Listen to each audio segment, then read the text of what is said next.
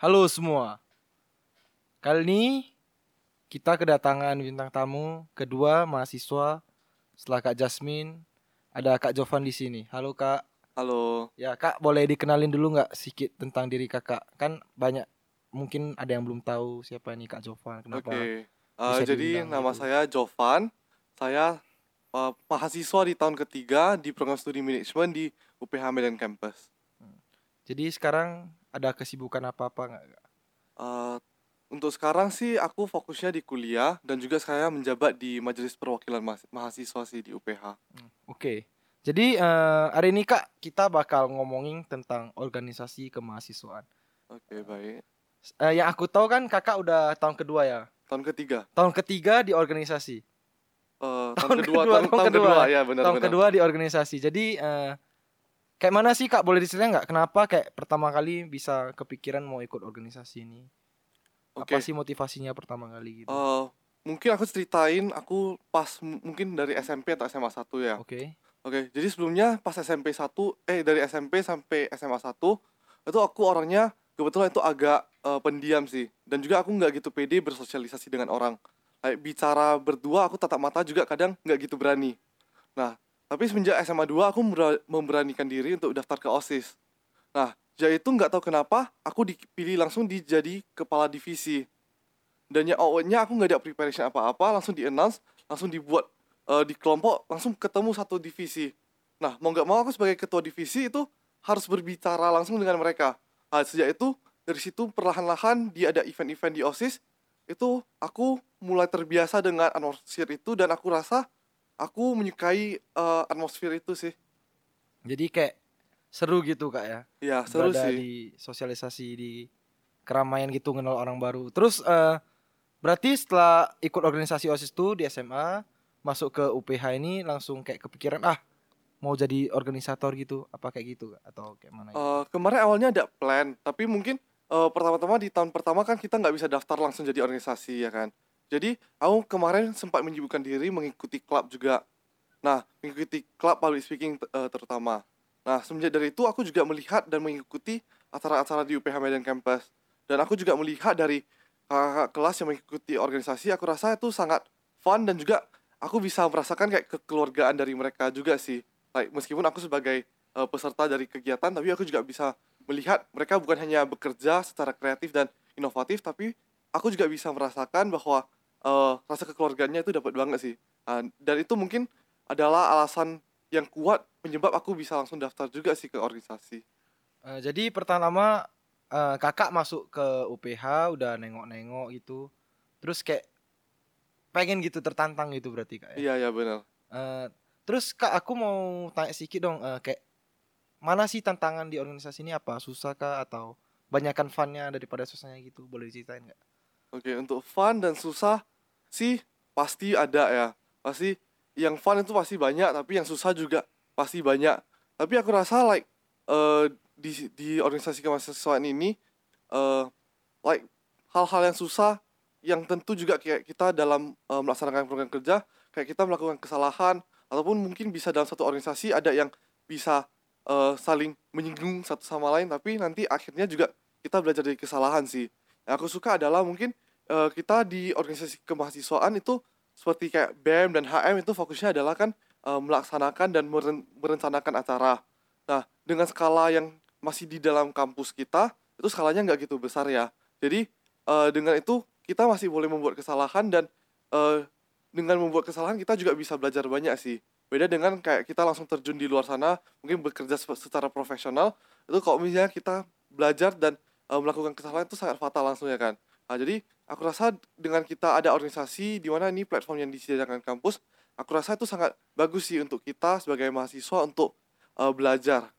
berarti kayak di sini kita saatnya kita kayak nyari tahu kita di sini ada bakatnya apa gitu Iya, karena di sini buat salah itu masih sangat oke kak ya iya ya benar. Eh, terus kak setelah dua tahun ini ikut organisasi ini, kira-kira eh, perasaan kakak kayak mana sih ikut organisasi jauh ini? Apakah ada untungnya atau kakak yang rasain itu apa gitu?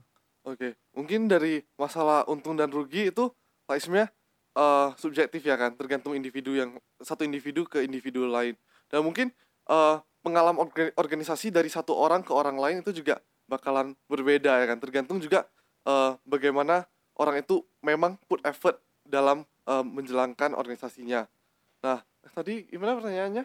Kayak apa sih yang kakak dapatin nih selama 2 tahun kakak ngejalanin ini? Kalau aku sih dari aku personally, aku bisa explore ke banyak banyak jenis field sih, like mulai dari uh, perencanaan event sampai eksekusi event. Dan juga aku juga uh, memiliki experience banyak di mana like aku juga bertemu orang-orang baru, like orang-orang baru di dalam organisasi antar organisasi di mana aku juga bertemu banyak orang dengan personality yang sangat berbeda-beda dan juga backgroundnya beda-beda.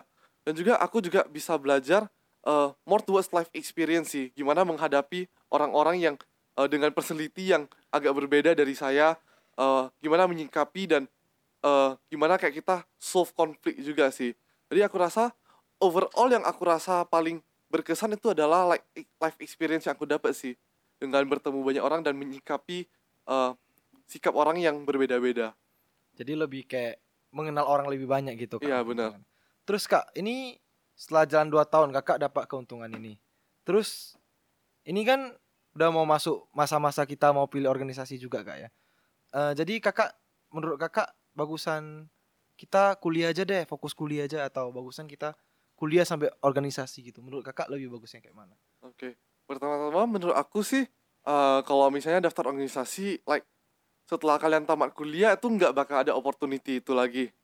Nah, jadi kalau menurut saya sih, like kalau kalian memang memiliki kapasitas dan juga eh, memiliki availability untuk mengikuti organisasi, like why not try? Nah, tapi mungkin dari satu orang ke orang lain mungkin ada beberapa yang memang udah harus kerja full time atau mungkin udah terlanjur ada kontrak. Tapi saya juga banyak mengenal teman-teman yang eh, memang rela untuk melepas pekerjaannya demi organisasi dan rela resign untuk organisasi. Dan overall aku rasa like experience-nya itu eh, sangat berbeda sih. Mungkin like kalau misalnya kalian dari sekarang langsung bekerja di luar ah, kalian mungkin bisa belajar ke arah like technical technicalities di mana kayak kalian bekerja di bank atau mana kalian bisa belajar. Tapi like bekerja di organisasi juga ada warnanya tersendiri sih. Like kalian bisa eh, bertemu banyak orang dan eh, bisa berkreasi dan eh, explore sih dengan banyak-banyak orang. Jadi misalnya dari saran aku sih uh, like this is uh, one in life one in a lifetime experience kecuali kalau misalnya kalian bakalan draw out dan ke universitas baru lagi ya kan itu beda beda cerita tapi kalau aku rasa sih I think it's very worth a try sih untuk masuk ke organisasi Nah ini kak kan udah kakak udah saranin nih organisasi itu bagus gitu kan. Terus eh, mungkin nanti ada teman-teman gitu atau pendengar-pendengar yang udah dengar gitu kayak ada keraguan gitu untuk milih. Kalau aku organisasi bisa fokus kuliah nggak ya? Menurut kakak itu gimana? Oke, jadi eh kebetulan aku bisa dibilang eh, aktivitasku sangat padat sih, like mulai masuk ke tahun kedua, di mana like aku eh, pernah menjabat di BEM, sekaligus juga like vice coordinator di public speaking club ya kan.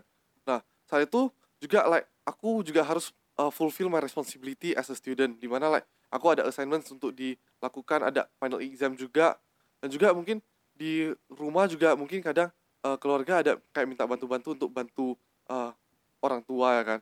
Nah, jadi em, untuk hal itu aku rasa dari sendiri harus bisa manage time-nya dengan bagus sih. Di mana kayak eh, bisa membuat prioritasnya sih lebih paling tepatnya. Kayak contohnya kayak eh, aku udah berkomitmen di dalam organisasi ini. Nah, jadi eh, apa sih job desk job desk aku dan responsibility aku di dalam organisasi.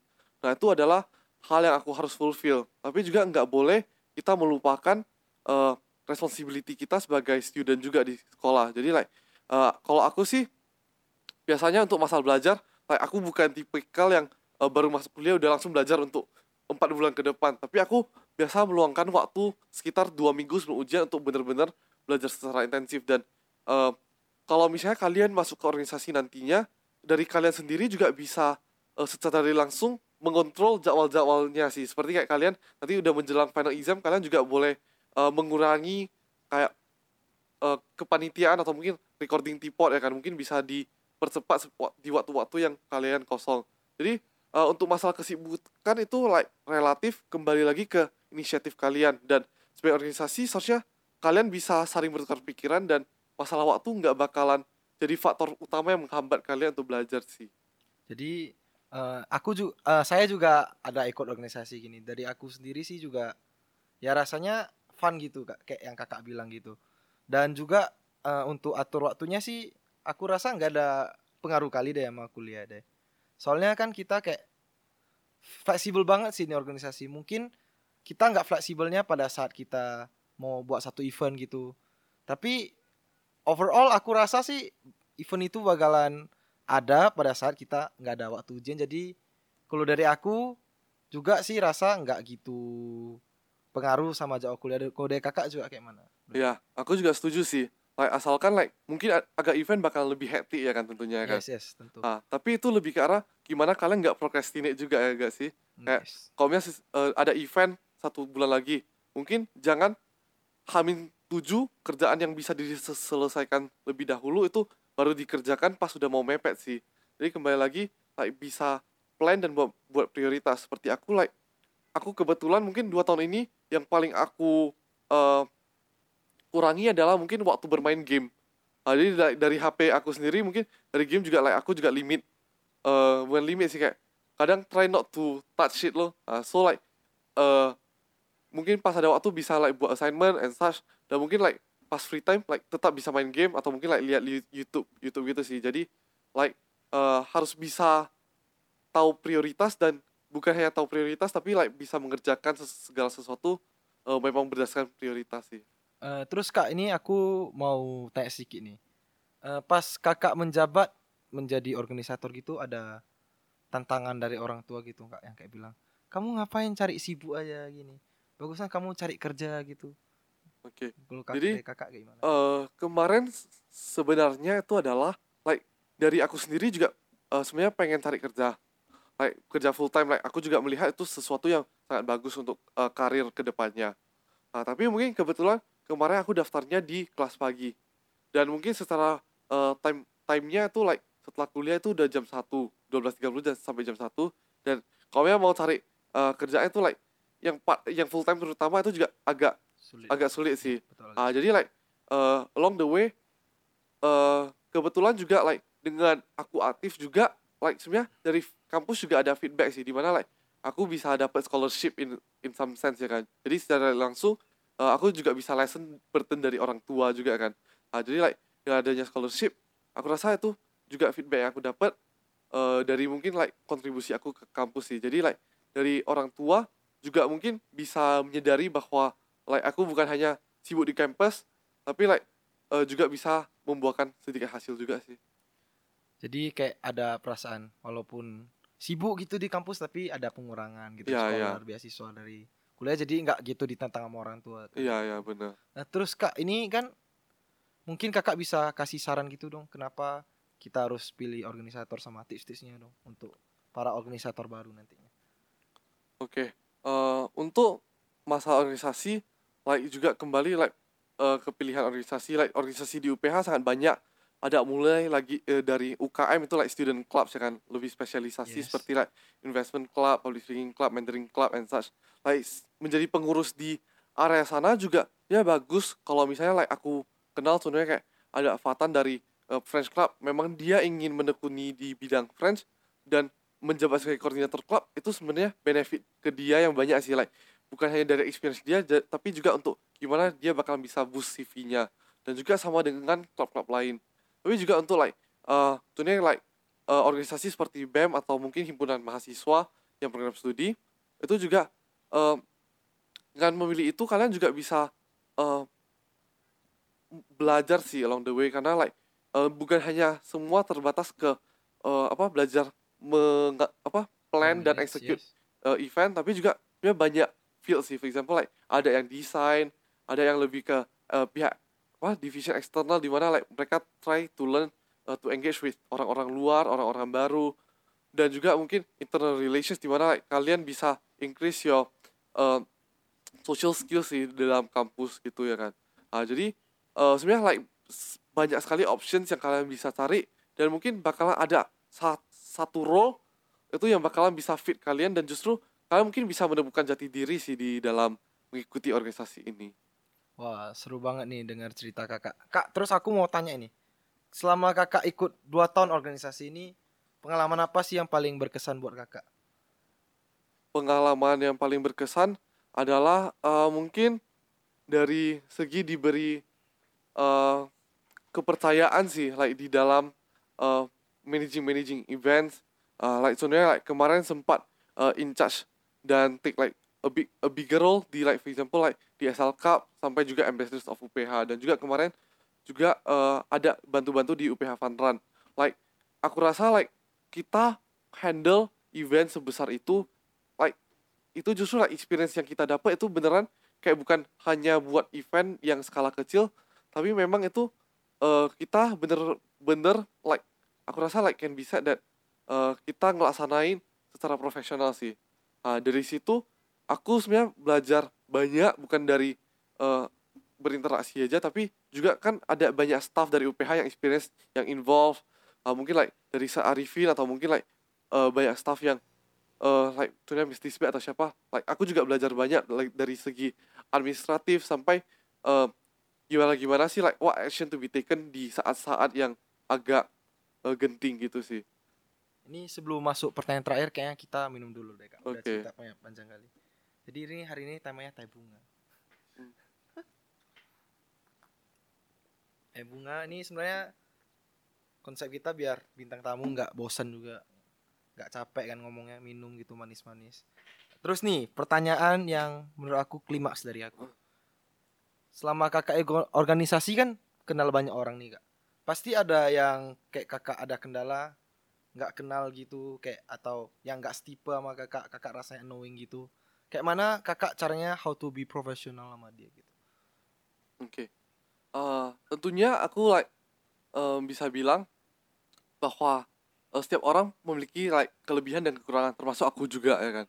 Eh, dan juga like aku sebenarnya bisa menyadari bahwa like, kekurangan saya juga like eh, mungkin kadang bisa sedikit keras kepala maupun like sedikit dominan eh, dalam eh, kasus-kasus tertentu ya kan. Dan juga mungkin aku bisa melihat orang yang tidak setipe dan sepemikiran dengan saya. Like eh, untuk maintain profesionalitas like aku rasa di organisasi eh kita like harus dapat bisa menghargai eh, pendapat satu orang dengan orang lainnya sih nah, jadi like contohnya dalam mengambil keputusan meskipun like eh seberapa determined aku ingin ambil satu keputusan eh, tapi juga dalam kasus-kasus tertentu aku juga harus respect dengan dan menghargai eh, pendapat orang lain. Nah di mana like eh, aku like dalam pengambilan keputusan kalau misalnya emang gak ada konklusi kita bisa like eh, melaksanakannya dengan voting.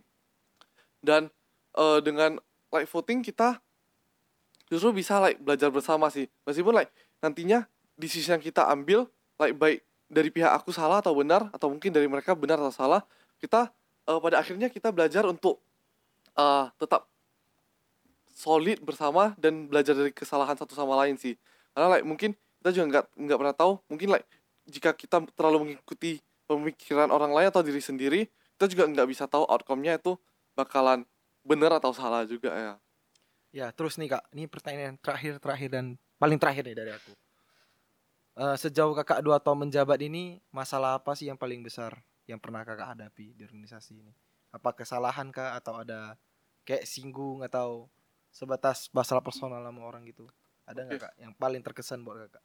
Mungkin ada banyak ya ya. Mungkin yang pertama yang bisa aku sharing adalah mungkin pas tahun pertama like aku menargetkan ses- eh, sebuah posisi ya kan. tapi terakhir malah aku nggak dapat posisi itu. Dan bisa dibilang pas masa itu adalah like, masa di mana like aku eh, sedikit jadi nggak confident dan mungkin like aku meragukan diri sendiri ya kan dan pada saat itu like eh aku juga memikirkan kembali like komitmen aku di awal. Uh, di mana like aku memang ingin berkontribusi. Jadi eh yang mungkin pas awal-awal aku nggak gitu bisa nerima atau gimana. Tapi pada akhirnya eh like just go with the flow sih. Uh, di mana like di setiap posisi atau nanti like contohnya kayak kalian mau ngedaftar itu like mau di posisi presiden pun sebagai eh, head of department atau sebagai anggota pun itu nantinya kalian bakalan bisa belajar banyak di setiap posisi sih Ah, jadi contohnya kayak kalian untuk mau shine untuk prove yourself kalian nggak harus di posisi presiden atau kepala departemen lain sebagai di posisi mana pun asalkan kalian ada determination untuk uh, grow and become your better version of yourself itu kalian bakalan bisa improve. Nah, seperti yang tadi aku bilang di awal, like satu orang ke orang lain memiliki uh, pengalaman organisasinya berbeda-beda. Dan like, aku menemui, contohnya kayak uh, ada teman saya yang mungkin satu angkatan organisasi dengan saya. Aku sebelum dan setelah organisasi selama setahun aku nggak ada bedanya. Aku gini-gini aja. Tuh aku juga nggak dapat pegang program kerja atau apa. Nah sebenarnya like uh, itu kembali lagi ke individu masing-masing. Karena aku bisa melihat sebenarnya kayak uh, dari mereka juga nggak gitu put hard dalam menjalankan ini. Nah, contohnya uh, mereka pas awal awal uh, apa di inaugurasi ya kan baru naik sebagai uh, pengurus organisasi. Mereka pasti mungkin bakal lebih panas-panas. Oh, aku mau buat A B C D E. Ya kan? Tapi dari mereka sendiri action plan-nya nggak keluar. Nah, jadi uh, over the time mereka itu jadinya itu uh, hanya like uh, wacana. Nah, dan mungkin udah lewat enam bulan nanti dibilang, oh ini udah mau corona, udah udah banyak isu corona ya kan. Kalau enggak, oh ini aku tiga bulan lagi udah mau lengser juga, udah mau regenerasi. Ya udahlah, males lah. Nah, mungkin uh, dari satu orang ke orang lain itu bisa berbeda. Jadi uh, kalau Omnya saran aku, kalau Omnya memang nanti kalian uh, semua yang mau ngedaftar di uh, apa di organisasi, baik di organisasi yang skala lebih kecil seperti UKM atau student club maupun yang skala besar seperti himpunan mahasiswa atau BEM, yang paling penting adalah uh, kalian itu mau mengerjakan sesuatu, mau berkembang dan mau belajar sih.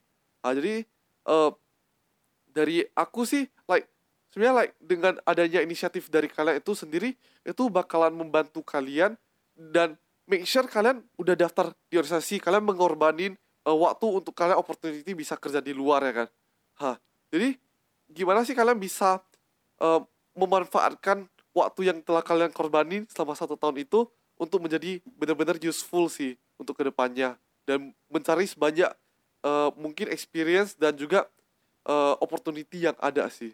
Wis gila, mantap banget. Terus kak, aku terakhir deh, quotes dari kakak deh kawan-kawan pendengar kita.